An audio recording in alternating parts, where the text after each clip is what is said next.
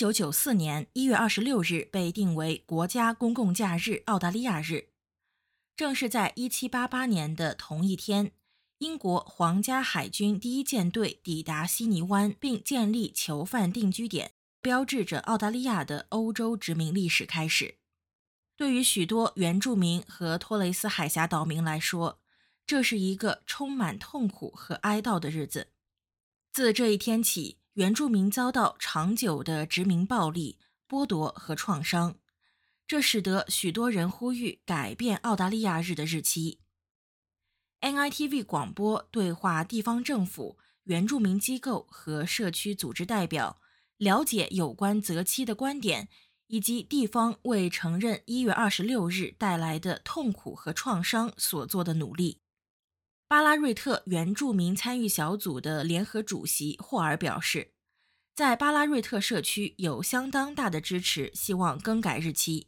Uh, there is strong groundswell here in community, both Indigenous and non-Indigenous community. 社区内有强烈的声浪，无论是原住民社区还是非原住民社区。必须指出的是，并非所有原住民都认为有必要更改日期。但是，通过我们在巴拉瑞特举办的各种社区活动，让人们来表达自己的意见。到目前为止，绝大多数人都支持在一年中的另一天庆祝澳大利亚日。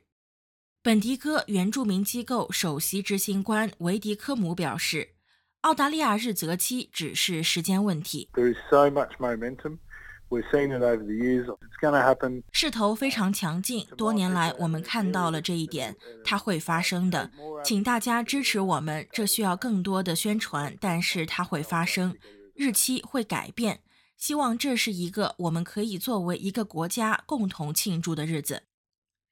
一些地方政府通过决定不承认一月二十六日为庆祝日，向外发出了明确的信息。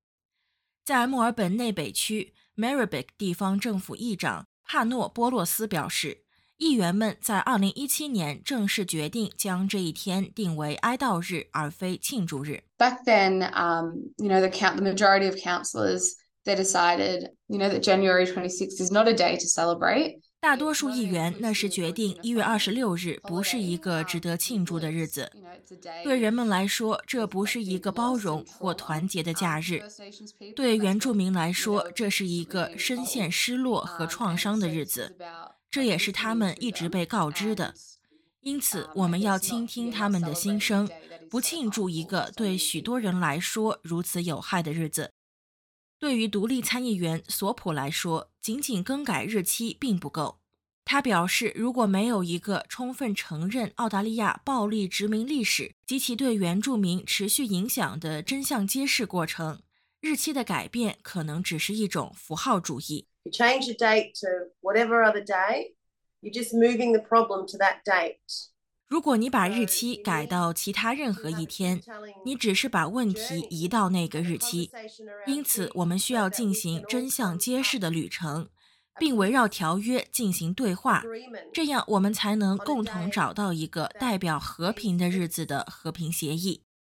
除了要求更改日期的呼声之外，许多基层组织和地方政府正在设法改变一月二十六日的焦点。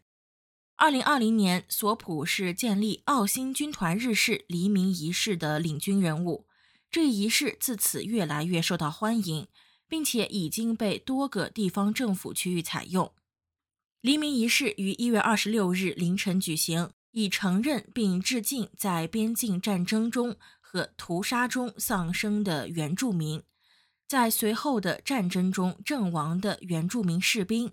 以及作为被偷走一代而与家人分离的原住民，以及那些受到持续殖民暴力影响的原住民，索普表示，这些仪式中的真相讲述创造了一个机会，让人们认识到这一天对许多人来说所代表的哀悼和痛苦。It really opened a space for people to come together, and 这无疑开辟了一个空间，让人们走到一起。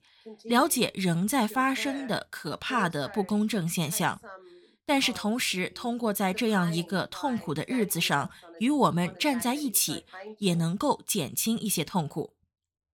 维迪科姆表示，在本迪戈于一月二十六日举行的黎明仪式，为他提供了一个反思家族历史以及原住民士兵所经历的不平等待遇的机会。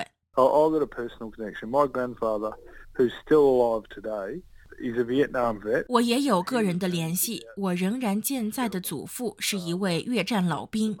他回国之后没有获得像为国家而战的主流人群那样的安置，所以承认我们的原住民士兵非常重要。自2020年以来，巴拉瑞特每年都会举办一次幸存日黎明仪式。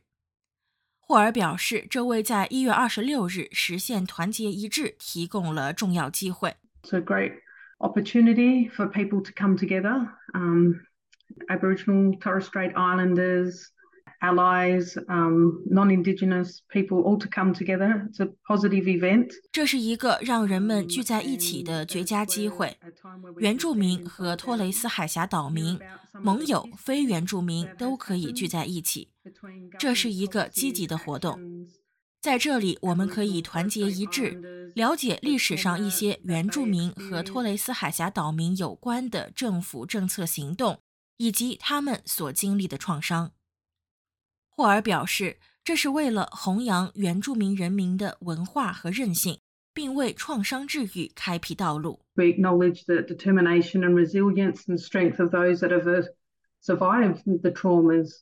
I feel that there is much wisdom in Uncle Jeffrey. 我们承认那些从创伤中幸存下来的人们的决心、韧性和力量。